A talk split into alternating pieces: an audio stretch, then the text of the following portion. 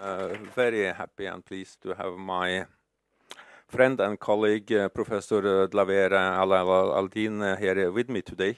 We have been working together now for a couple of years, and I mean, I really appreciate the conversations that we have had uh, in many places, from uh, from Brussels to Erbil to uh, Beirut, Rome, and other places. So. Um, I look forward uh, today to continue that conversation about the world events and about uh, what is going on in this strange place that we call the Middle East. And just to kick uh, off our uh, conversations, to me, I mean, there are few places in the world where the need is larger for new trust based compromises, grand bargains, and social contracts.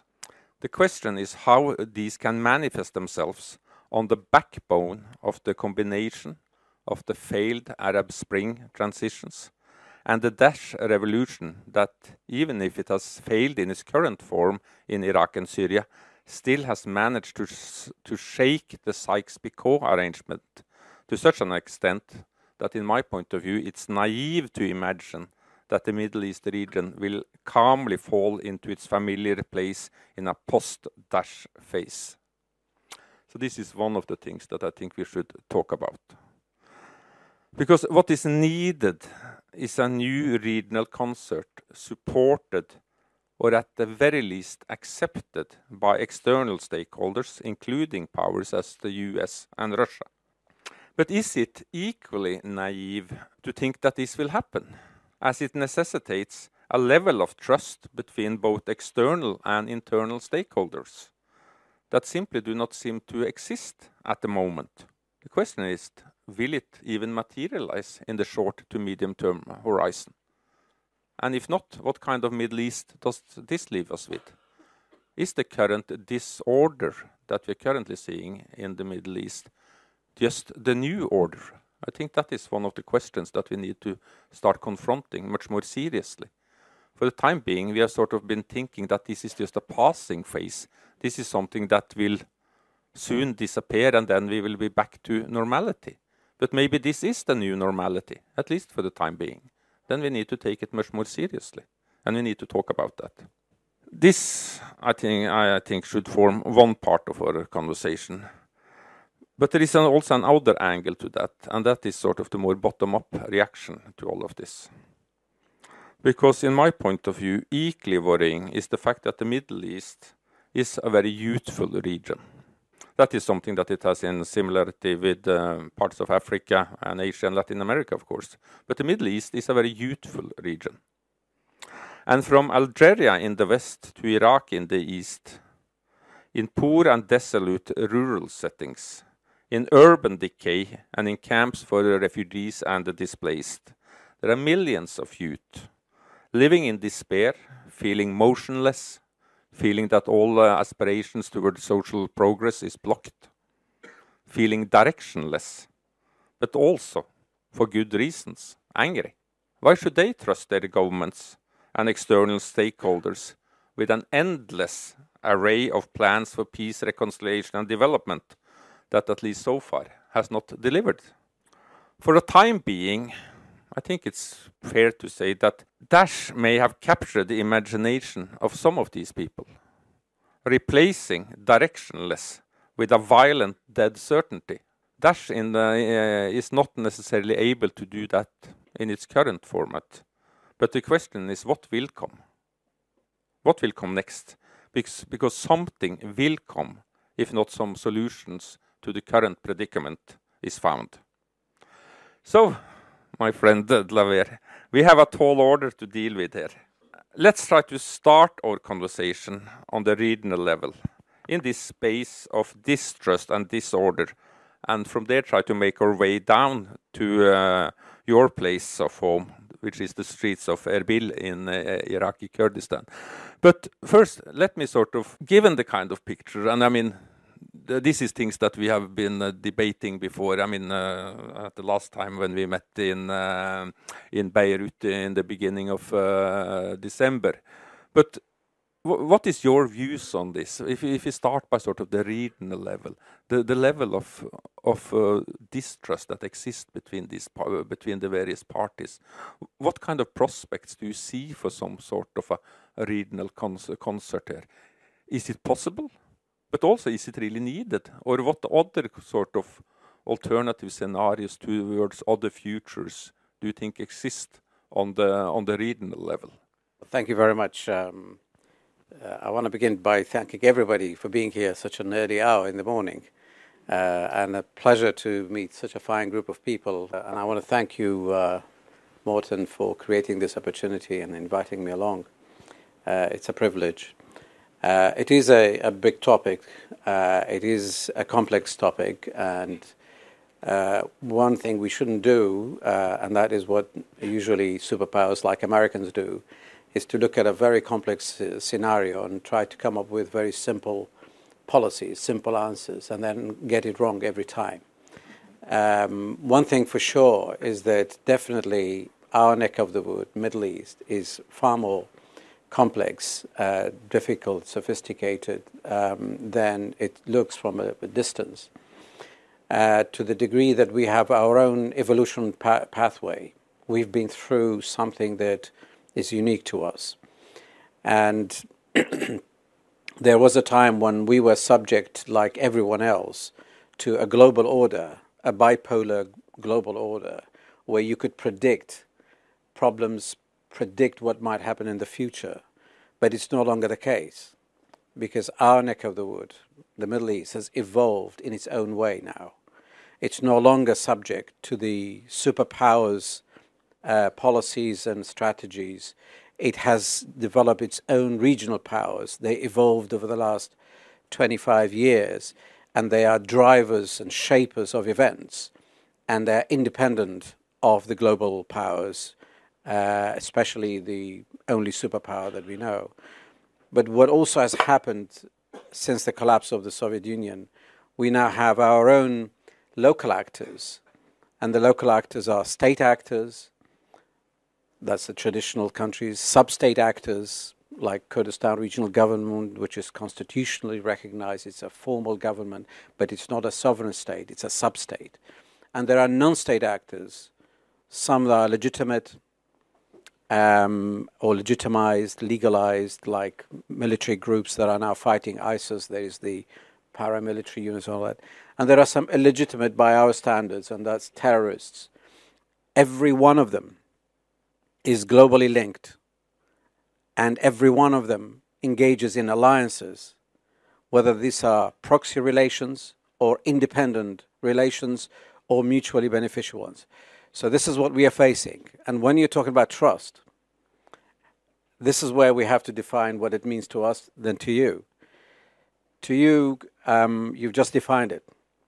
But to us, trust is a, is a multidimensional vertical and horizontal issue that we have to look at trust, um, trusting the global powers, the regional powers that shape our lives, our politics, our security, our economy, then our local actors who are actually ruling us, our own rulers, and then trust in our institutions. Because fundamentally, for individual citizens, what matters to them most first is good life, which comes with good economy, good management of economy, good management of resources, which is actually in a complete mess. And then rule of law, social justice, good governance, they don't exist. There are promises, there are populism, there is all sorts of rhetoric that try to distract you from the real issues. So some rulers in the name of nationalism, they say forget about the economy now, forget about rule of law, it'll come, Let's deal with the identity, let's deal with the nationalism. Some in the name of religion, sectarianism, and so on. So individuals in the Middle East never trusted the system, never developed that trust that you have in your system. Now the question is in Norway, in Europe, should people stay in Europe or not? Is Brexit important or not? or should we choose this um, politician who might manage the economy better or the other? For us, it's It's far more complex. It's trust in the entire system of governance that is at stake. And if you look at the trend and the evolution from the day we were born, and that's 100 years ago, i.e., states of the Middle East, Sykes-Picot you mentioned, came to existence 100 years ago. Since then, our evolution has been going from having ups and downs, good and bad, but there was an order which was completely dismantled recently. What did what what it replaced with? Vacuums in many places, fail states, weak states, fail states. Is it stabilized? The answer is not yet. Is it going to stabilize? It may do, and it's quite likely to, but not in the way that you would recognize it, not in the way that it used to be, not in the way that it happens elsewhere in the globe. Thanks, Dlawer. I mean, I want to pick up on one thing uh, that you said. I mean, when we, look at, I mean, you mentioned the complexity, and I mean, uh, nobody can disagree with you about the, complexity of current affairs in the Middle East. But I mean, uh, at, a face value, I mean, the whole Middle East may look like some sort of a spaghetti bowl of um, ad hoc made alliances now. For example, around Syria in Iraq. We saw some of the same things in the uh, crisis on Hariri in uh, in Lebanon and so forth and so on. I could go on, but in this seemingly confused maze of spaghetti-like alliances, is it something that starts materializing here that at least could build some level of trust and predictability among some of these actors, not necessarily that it will be possible to unify all of them, but that some actors. So, uh, what I'm what I'm trying to get at here, uh, do you see sort of some sort of more stable alliances, or is all of this built completely on shaky grounds. Whereas, uh, for example, these kind of alliance that the Saudis try to get, try to keep together, is there, is there any kind of solidity in it, or is it just sort of built on completely shaky grounds? It's it's a tough one, um, but if you look at the detail, the way we live it, we we suffer from it. Um, if you break it down to its element, there are foundations. There are some potential for resilience, for producing structure and restructuring. But who's going to do that? At the local level, in places like Kurdistan, where we never had state institutions. So the word state building, institutionalization, means a lot because people need it desperately. And the fact that we didn't have solid institutions, we're, we're suffering from it. We're paying for it because this latest referendum in Kurdistan and the challenge we faced where everybody was against the Kurds because the Kurds provoked that, because the Kurds united all the enemies. We could not stand that uh, challenge or attack. Everything collapsed. It showed that we had structural weaknesses in the Kurdish government. For 25 years, we failed to build the institutions that withstand such threats or uh, challenges. But actually, look at Baghdad. Baghdad has always been a state and has always been like many of the neighborhood states, the, the Middle East, always had state structures, but they didn't have state building. That Baghdad and Iraq and Syria and Jordan and the rest are not institutionalized enough. Rule of law is still not the, the absolute focus. Institutions of democracy are new and they are not empowered. They are tools the parliaments, whether it's in Kurdistan or in Baghdad or in, in the Middle East, parliament is actually a power tool, not a powerhouse. So locally, there are elements that could evolve into some kind of reliable elements of structure to build on. But who's going to build it and who's going to undermine it? Those actors that I mentioned, the local actors, the regional actors, and the global actors, every one of them is undermining that move towards building, state building, nation building, uh, citizenship, and rule of law, all of that has been undermined. In Iraq, we have an overwhelming power next door, Iran, which is stretching itself from purely security point of view across the board, trying to protect its own national security. And it is it has been at it for some time We have Turkey, a regional power, trying to, uh, in many ways, neutralize that and have its own influence spreading, but it every time uh, develops a policy, it gets it wrong. So it's in the backtrack. And then the other Gulf powers that have been trying to get into the rivalry to simply achieve their own objectives, and that is, again, from a security point of view, engaged in, in spreading their influence. By that, every one of them is undermining stability. If you remember when the Soviet collapsed, in your area, many of the Eastern European countries, ruled by centralized governments, dictatorships, they collapsed, but they could have been like Middle East, like the Arab Spring. But what happened? There was the EU, there was the democracies around you that did not allow that vacuum to happen. So they held it together, stabilized them, integrated them into the European democracy. We in the Middle East, when the Arab Spring arrived, when everything collapsed, who was there to hold us together to stabilize? No one. None of the regional powers were interested in the stability, in the democracy, in rule of law, in good governance. Instead, they tried to shape the region by their own. And what did the global powers do? At times they were engaging, like under the Bush administration for eight years. They came in, they occupied Iraq, they became shapers, movers, and they spent money t- uh, and, and resources. But then suddenly, under Obama administration, they pulled out. They disengaged. They left alone. They thought that this is too much, too much of a mess. That means we lacked something that would reshape that order, and that is leadership. We do not have leadership. Who's providing leadership? The people who are providing leadership are actually doing it with no consideration to state building, nation building, stabilization, good market, good trade, good economy. No, they're doing it from pure security point of view.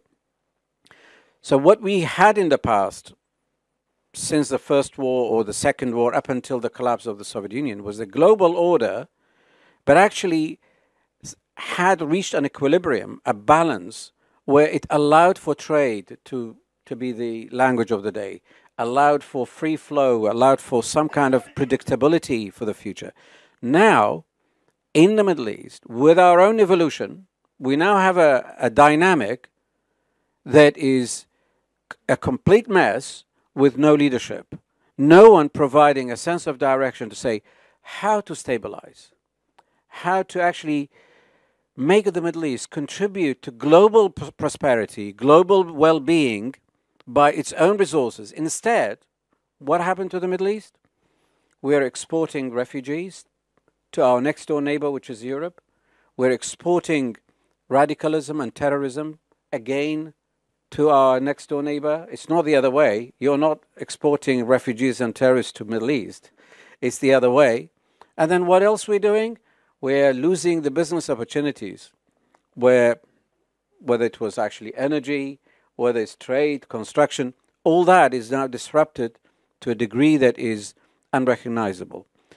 So this is where we need leadership. Leadership at the local level who is going to provide it in the lack of, in the absence of state institutions? Local actors are uh, engaged in a rivalry that is not doing that. So now we have to think back. Your question was do we have the elements of restructuring, of one day reaching a balance? The answer is yes. But it takes a lot of effort to then put everything in place and start the state building process and institutionalization but it cannot happen by the act of the local actors alone. We need a global and regional support and leadership to achieve that. Thanks, Lavir. I, wanted to touch upon um, a couple of things that we have uh, that we have talked about uh, in, our previous meetings, and to me, I mean, if the grand bargains and the grand compromises are not possible for the time being. The question is then, what what are we left with? Do you remember? I mean, um, in the beginning of December, we were sitting at a nice restaurant in uh, Tripoli in uh, northern uh, Lebanon, talking about um, a way of depicting Lebanese politics as roundabout politics. Uh, by that I mean that um, it's the politics that is not necessarily going anywhere, but it's a politics that also means that the main actors have more or less decided to stay in the same roundabout, and they have um, uh, they have made certain common rules concerning engagement in this roundabout. Uh, this is not necessarily taking a country forward, but it's also sort of it's avoiding it's a way of avoiding major bloodshed because the rules of engagement in this roundabout is more or less accepted by all parties. So nobody's going crash co collision course against each other anymore. They're going around turn after turn after turn. Every now and then there is bumper to bumper and there is a few casualties. There is no major outbreak of war either. In a situation where, where, the, kind, where the kind of leadership that you are asking for, uh, Dlawer, may be lacking, is this, um, is this a possible model, for example, for reconstruction and reconstruction without deep reconciliation in the case, for example, of Iraq and Syria. Because maybe at the time being, I mean, that deep reconciliation that so many of these liberal models of reconciliation ask for, maybe that is not possible. Maybe that is, is impossible in the current situation. Is there, is there other rules of engagement like this roundabout politics that may or may not work? I would very much like to us to continue that conversation that we had around that restaurant table in uh, Tripoli. Well, first of all, I'm amazed by your memory because um, uh, I don't believe that what uh, the Lebanese guys were describing is a sustainable roundabout for the long term. It's actually a phenomenon, it's a symptom of a real disease. The real disease is that more and more of these small countries are losing their sovereignty, losing their ability to make their decisions. But it's not happening in a dramatic way. Events happen, wars happen, but the change in the system is slow but definite and is palpable. In my generation, I have seen so much, and imagine it take it may take a decade for you to feel the milestones, the, the difference. But Lebanon is is not different from Iraq, from Syria. It's gradually losing its uh, ability to make its own decisions. Its state structures are less and less, um, uh, again, uh, uh able to um, develop their own vision, strategies, plans, and roadmaps for recovery. And regional powers are very, very powerful. It used to be people used to go to Washington and Moscow to decide what happens in Baghdad, in Egypt, or in, in elsewhere, but they don't anymore. We have Iran, Turkey, Saudi Arabia in the vicinity, plus all the other non state actors who are cross border, because borders don't mean anything. This Sykes-Picot issue is, is, is out of the window anyway. It's only in the mind of the policymakers in Washington and, in, and Moscow where they stick to that. But actually, if you look at each border, uh, they are not respected by even the local actors, by even the, their own governments, let alone by powers. Who is not invading or evading or, or crossing these borders willy nilly? Uh, these countries are suffering from the same phenomenon. Uh, I want to be more explicit than that. Since the Iranian emergence as a, as a real regional power, they have made a decision that they will not go back to the days where they were vulnerable to wars, to pressure, to isolation. And they considered Iraq as far more strategic or the most strategic place for them and the launch pad for them to go further. And they have grasped Iraq bottom up and top down from every corner. Iraq has lost its ability to make its own decisions and it's still deteriorating. It's not like a roundabout like uh, Beirut, uh, we are not going in roundabout. We're going downhill every time. And every time we have an optimism about, oh, it'll be okay tomorrow, suddenly there's ISIS. No, it'll be all right after we win against ISIS. But then there's worse. Somebody will say, oh, no, no, it'll be fine if Mr. Abadi is re elected, then Iraq will be gradually peeled away from Iran. And guess what? In the election list uh, alliances, now he's aligning himself with a very army that is a threat to the state structure, and that is the paramilitary units that are essentially there instead of the army, instead of the state institutions, yet the leader of the country is now aligning himself with the very paramilitary groups, or people call it militias, who are threat to the state uh, uh, well being.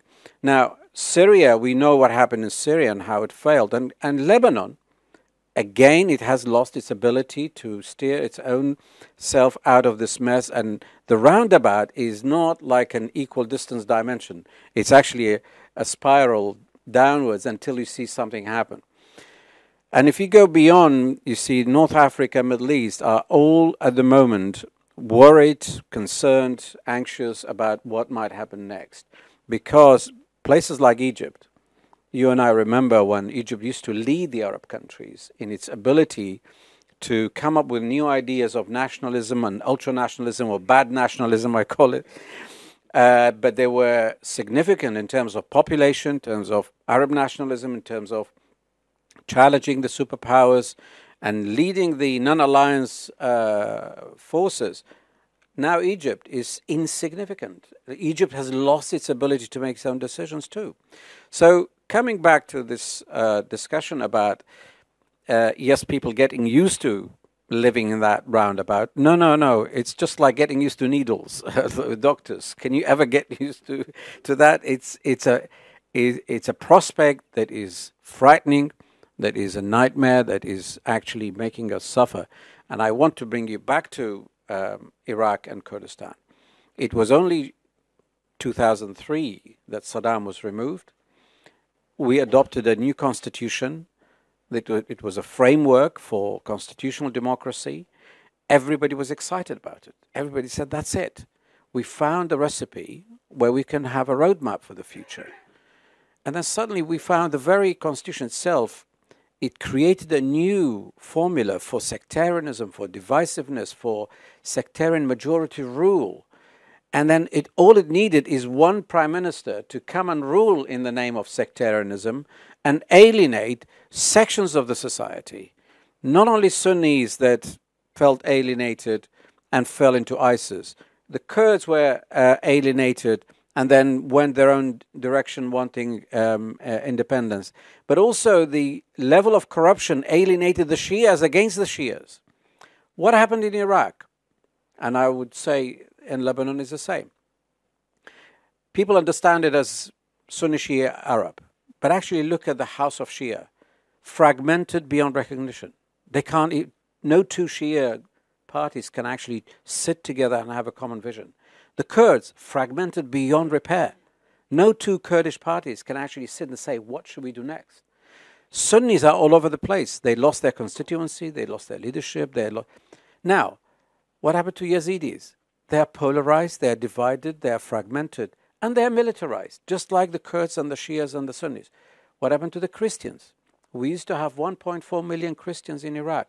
One million left. The others are polarized, divided, militarized. And then smaller and smaller. So, as you can see, this divisiveness, this polarization, this fragmentation goes along with militarization, alliances with global powers, alliances with regional powers, and with the local actors. And then where is this going? it doesn't make sense if you think that this will stabilize and that's a normality. No, that is not a normality we need. We need to go back one step, say, let's do something about state building. Let's do something about constitution, amending it, implementing it. The trust element coming back to the very theme of what you described. People in Iraq lost trust in every politician for their ability to uphold the Constitution, to implement the Constitution, to reconcile between the communities, to reconstruct after this destruction, uh, all these wars, to actually regain some normality that can eventually lead to good governance and rule of law. That is lost. How to regain that? It's not up to the local actors alone or regional actors alone. And guess what? no global power would want to go to that mess and say, I'm going to sort you out. So. Well, this takes us takes the con con conversation into the uh, the very complicated issue of uh, of citizenship, and I believe that I mean as part of this crisis of trust we are also faced with a crisis of citizenship. And I mean, the kind of fragmentation that you just described, which I very much agree on. I mean, the, the, this, this is what is happening, this, this process of fragmentation. But if this is the case, how can we then start reimagining, or is it even possible to start reimagining some sort of, for example, Iraqi citizenship? Is it at this point in time even meaningful to talk about a national citizenship in Iraq? Or do we, or do we have to quickly and seriously start thinking about alternative modalities of citizenship? Com a, com a combined citizenship, which is based both on sort of the local idea of autochthony and sons of the soil, that can work in combination with some sort of national and perhaps even regional citizenship, because that may be a long-term orientation towards a, a, future, an alternative future, some sort of regional citizenship that is combined with a local citizenship. I guess I mean that the very basic question I'm trying to ask here is: is is the whole idea of Iraq even viable in the in, in the long term future? Or do we have to think about a serious reconfiguration here? Okay. Um, well, despite of what we said, the answer to the first part of your question, and that is citizenship, is it possible? I think the answer is yes.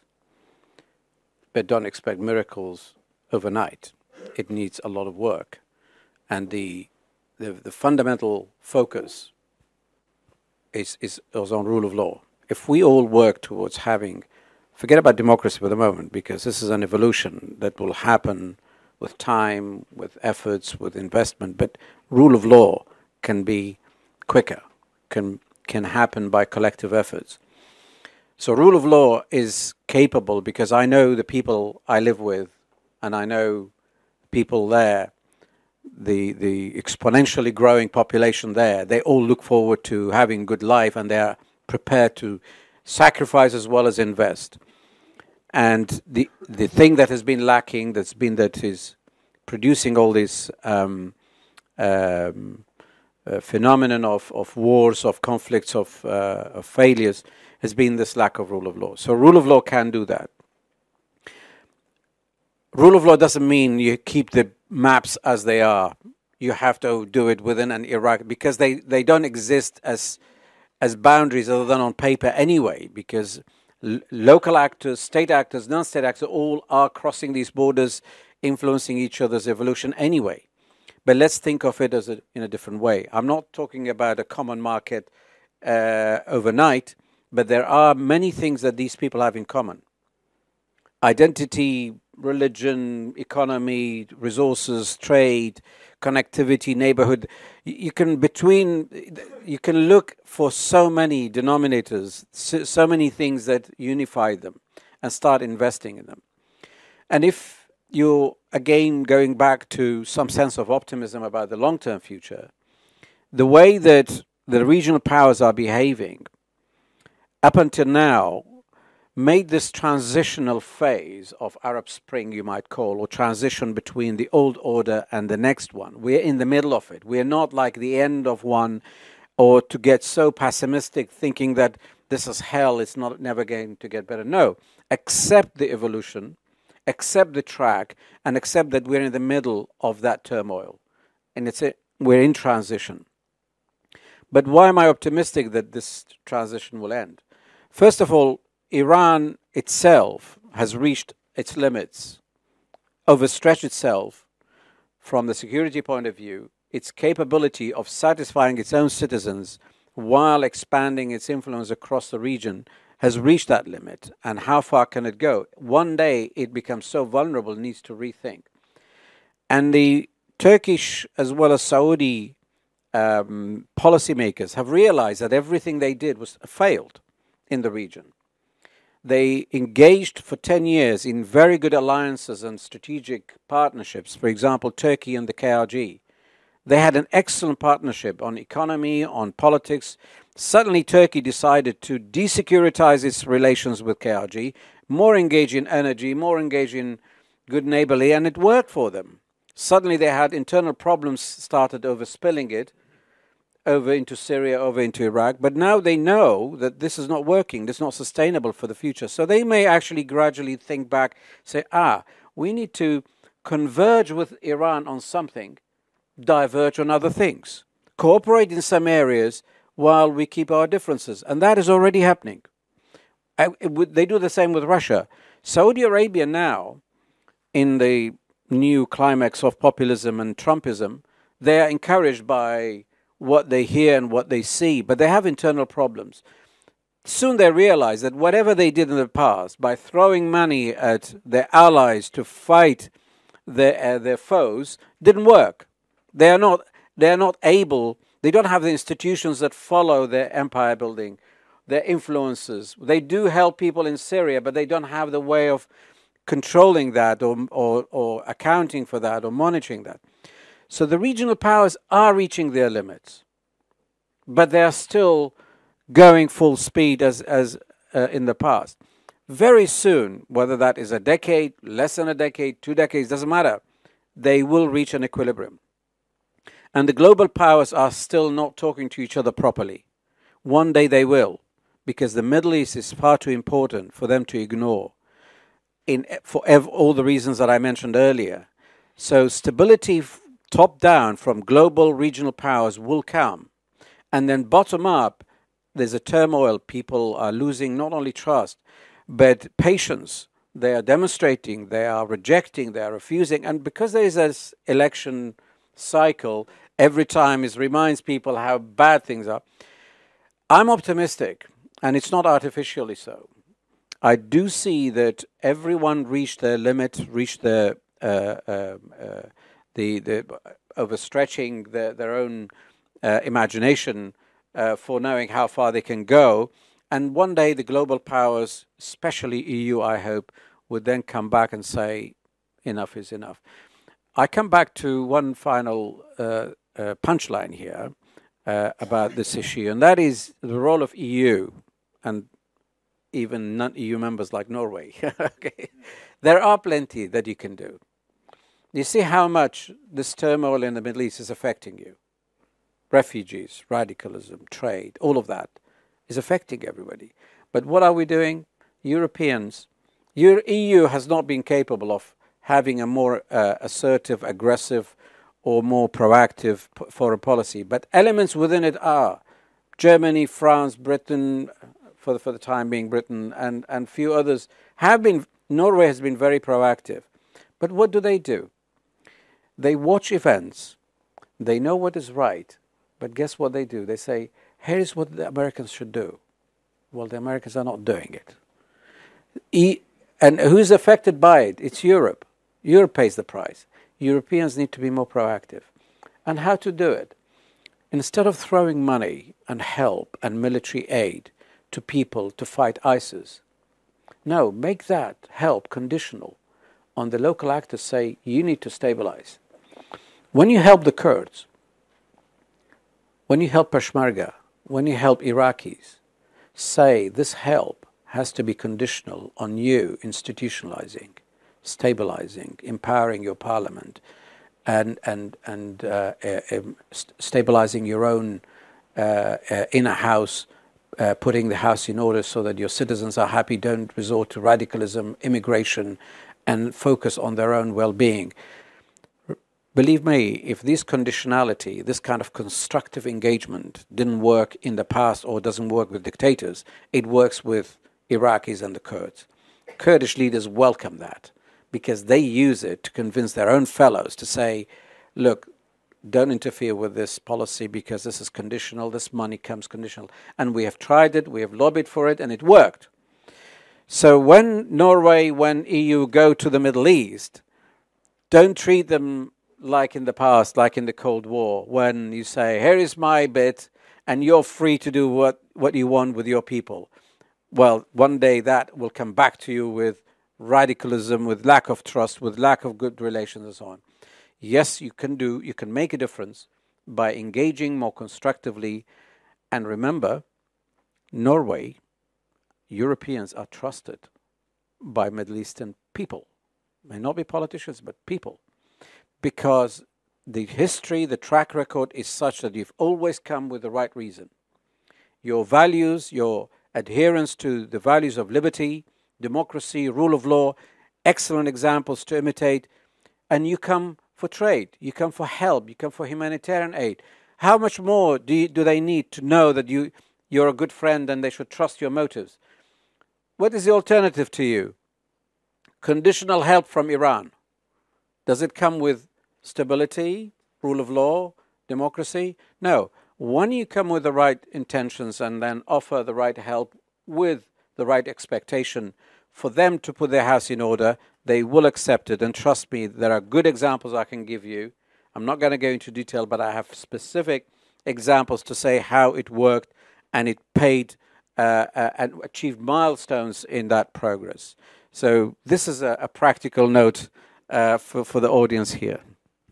Thanks, Dlawer. Um, one final sort of bit that I would like to visit uh, as we sort of make our way down from the uh, the regional level down to um, the the youthful uh, streets of, for example, Erbil. I don't disagree with you when you say that we are in in an evolution. I believe you are, and I mean nothing will stay permanent. That's that's for certain. I mean something will will will change I'm not necessarily certain how it will change, what the outcome of this evolution will be, but that uh, the Middle East will sort of stay frozen as it is for uh, as it is today for the foreseeable future. No, I, of course I don't uh, think that is the case. And it may be that, I mean, the kind of sort of more positive evolution that uh, you are talking about, that it may come. Let's hope it come. Uh, what worries me a little bit is, of course, the, um, and you also alluded to this, that you say it may take a decade. It may take a decade. But the worrying thing is, is okay, of course, that you have a lot of people who are extremely impatient. And they are impatient for, for good reasons. They're impatient because they are much better informed than previously. I mean, even people who live somewhere in the uh, quite physically isolated plains of uh, Syria and Iraq. I mean, they are quite well informed about the very the sheer fact that there are other life trajectories out there that is much better than the one that they are connected to at the at the, at the moment, and they want that con connectivity, um, which means that there is an immense impatience here.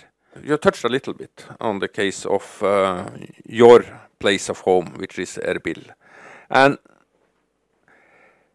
I must admit that I'm a little worried about what is happening now in uh, in Erbil. It may be that what happened with the, with the referendum and what came after is a shock that was needed, because things were not well in the house of KRG. There, there were problems also before the referendum, and I would also perhaps say that one of the reasons why uh, you went into this referendum, which after all ended in a complete disaster in many ways It was also due to some of these internal issues. Uh, I mean, um, there was an election that was supposed to follow after it, and at least the referendum would would probably have served one of the uh, parties quite well, if that election has ever taken place. But it must have been an enormous fall of confidence from and, an enormous fall of confidence, not only in sort of the traditional parties of leadership in Iraqi Kurdistan, uh, that, that is the KDP and the PUK, but also in the most, perhaps at least in the global imagination, the most prestigious Kurdish institution, and that is the Peshmerga. What happened after the referendum, both in Erbil but also particularly with the Peshmerga at Kirkuk. It must have le led to a lot of both bewilderment and confusion, but I would also suspect a lot of youthful anger towards almost every bits and parts of the ruling system in Iraqi Kurdistan. So, so where does that leave us now on the streets of Erbil? What is what kind of alternative futures may come out of this, and what may this tell us about also the Middle East at large?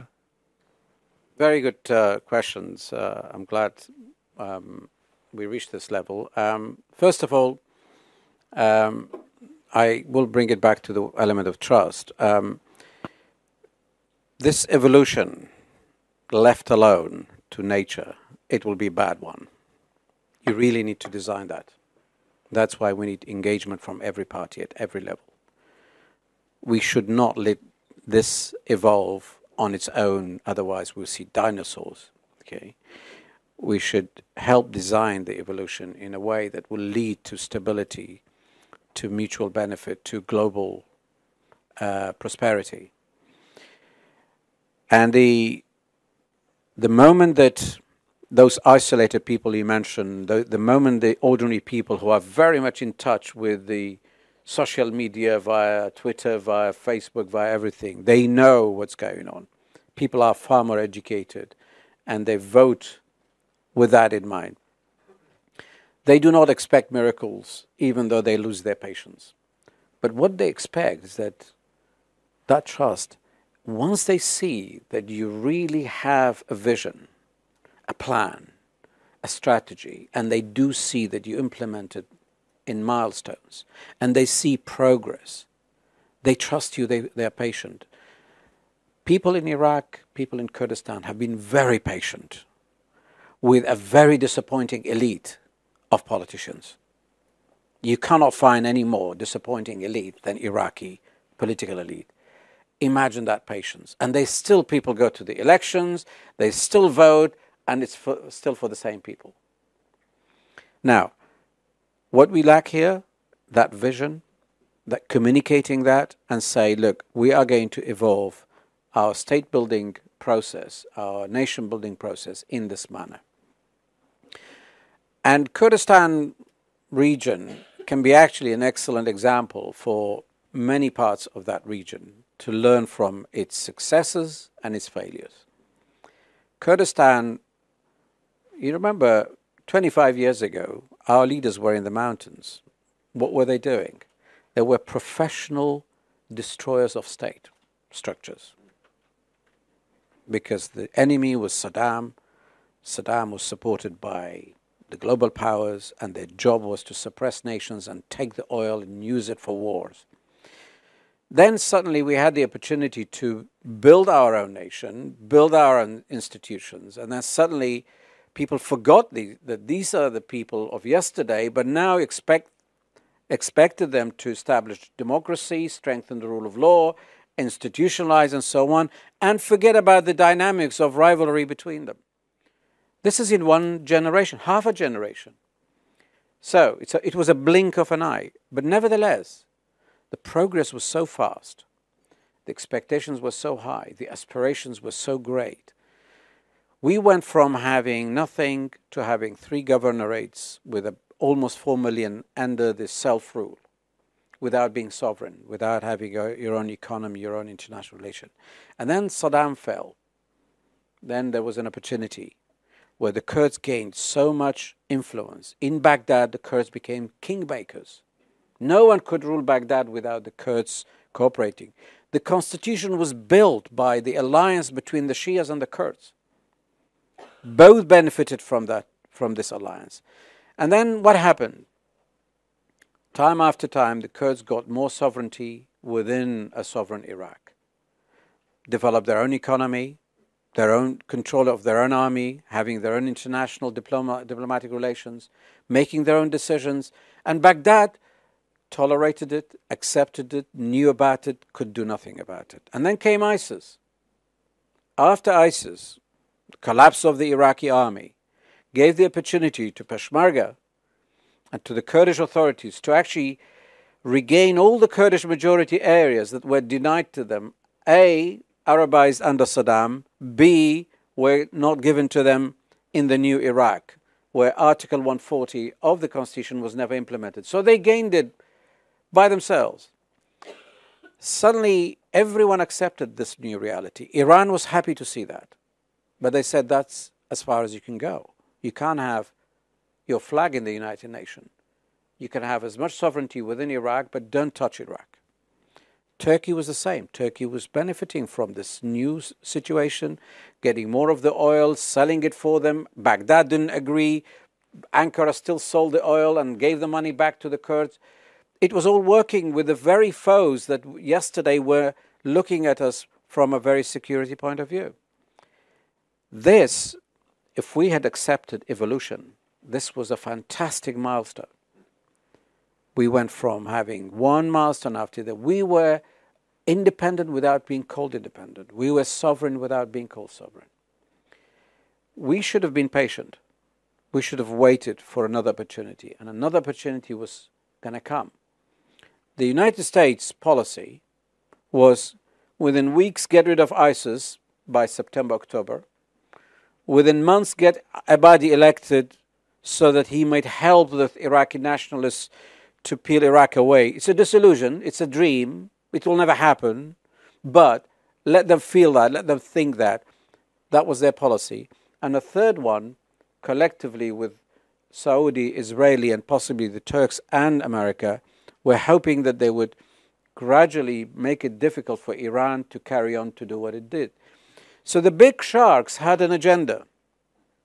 We, as small fish, could have waited for new opportunities, but didn't. We went for something big. But then the failure of that taught us a lot of things. First of all, it's the first time that America, Iran, Turkey, everyone, friends, foes, Europe, all united against a small fish because the small fish chose the wrong decision, made the wrong judgment, wrong time to do the right thing. Self determination is the right freedom, sovereignty is your right, but choosing the right moment, not doing it while this turmoil is not settled, while the big sharks had a different agenda. So we did not liaise with them, we surprised them. And that's where it brings me back to say non state actors are as independent as the state actors in their own decision while they're engaged in alliances with the, with the regional powers and global powers. So, not calculating well, i.e., miscalculating the international support that came with ISIS, because when ISIS appeared, we had so much international support to our Peshmerga, to our forces, despite the fact that we at home were not doing enough to institutionalize. We had paralyzed our own parliament. We had weakened our own government. Rule of law was weak. Uh, uh, uh, corruption was just as thriving as the rest of Iraq. We have been behaving just as badly as the Iraqi politicians were, yet the international support implied that this is going to be a good time. So when we went for it, we were shocked. In October, 16th of October, Iraqi army, obviously Iraqi army, what is left of it, plus all the paramilitary units, most of, one, most of which are directed by Iran, trained by Iran, led by Iran, and then with American compliance, i.e., tolerance or turning a blind eye, the Turks agreeing, with everyone agreeing, suddenly Kirkuk was lost. Then the rest of the Kurdish majority pr- recently liberated areas. Suddenly, all that big, almost independent state was cut in half. Not only that, Baghdad wanted to not take you back to pre 2014, but take you back to pre 2003 and deny you even the things that constitution allowed it. So suddenly we realized there are structural problems even deep inside. We have two zones, one under the PUK, one under the KDP. One of them has lost its centralization, lost its focus on uh, ability to rule. The other one is over centralized, not listening to advice. What happened between the two Suddenly we realize that we've not institutionalized the Peshmerga enough to make it all under one command and control and withstand pressure and withstand threats. We've not done enough to satisfy our own citizens by rule of law, by good governance, by strengthening our institutions of democracy.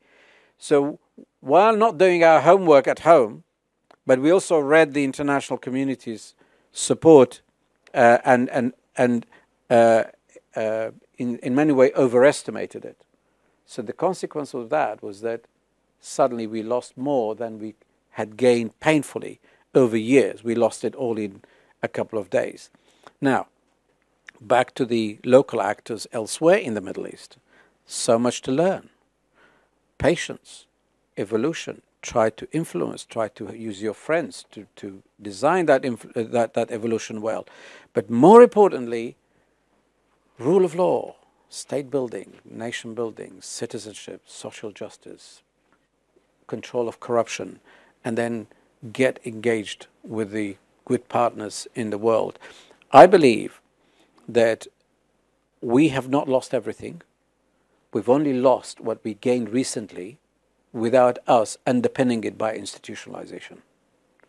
We've only gone back five years. We've not gone back 50 years. Baghdad is still changing and it's still weak. The regional dynamics not settled, opportunities are coming. The Kurds can regain what they had, but this time they have to think about legitimacy, think about rule of law, think about understanding the dynamics of the big sharks in the region, and waiting for the right opportunity and seize it in the right way. Opportunities and gaining greater sovereignty can happen in Baghdad. We have to engage Baghdad more. And I want to mention that as a last point in saying that we as Kurds didn't do enough to go to Baghdad to share the ownership of the decision making process, to share the ownership of the political system. While Baghdad failed to embrace us, they alienated us, they cut the budget from us. Under eight years of sectarian majority rule of Maliki, they tried the populism route to gain the Arab vote at the expense of the Kurds. They became anti Kurds so they get the Arab vote. And then they became anti Sunni to get the Shia vote. And it worked. They achieved, Maliki achieved the majority that he could form a government with. When Mr. Abadi came, now it's his fourth year, he did nothing to reverse that. He continued the same policy. So Iraq is still broken and is still on its same path as it used to be 10 years ago. So when Baghdad failed to embrace the Sunnis, the Kurds, the other communities, what did we do as Sunnis and Kurds? We didn't go back to Baghdad and embarrass them into that and try to get our own share back. No, we said, well, that's an opportunity. Let's go independent economically, let's go independent politically, let's do what it takes to go our own way. No, actually, within Baghdad, in the first phase, we can get more sovereignty than we ever had but one day, Iraq, Syria, all of that may not mean much, but not in our hand. We should not be the one triggering that change. We, we cannot dismantle countries ourselves from bottom up. It can only happen everywhere top down, bottom up, horizontal, transverse in every way. So, patience and try to influence evolution in the right way. And remember one final thing every one of us, whether we are individuals, communities, local actors, state actors, all of us can drive the evolution, can do what it takes to influence events, but each one realistically within its own sphere of influence. Thank you, Dlawer. I think we are going to close this now. Uh, I would like to thank the audience. I would like to thank you for coming.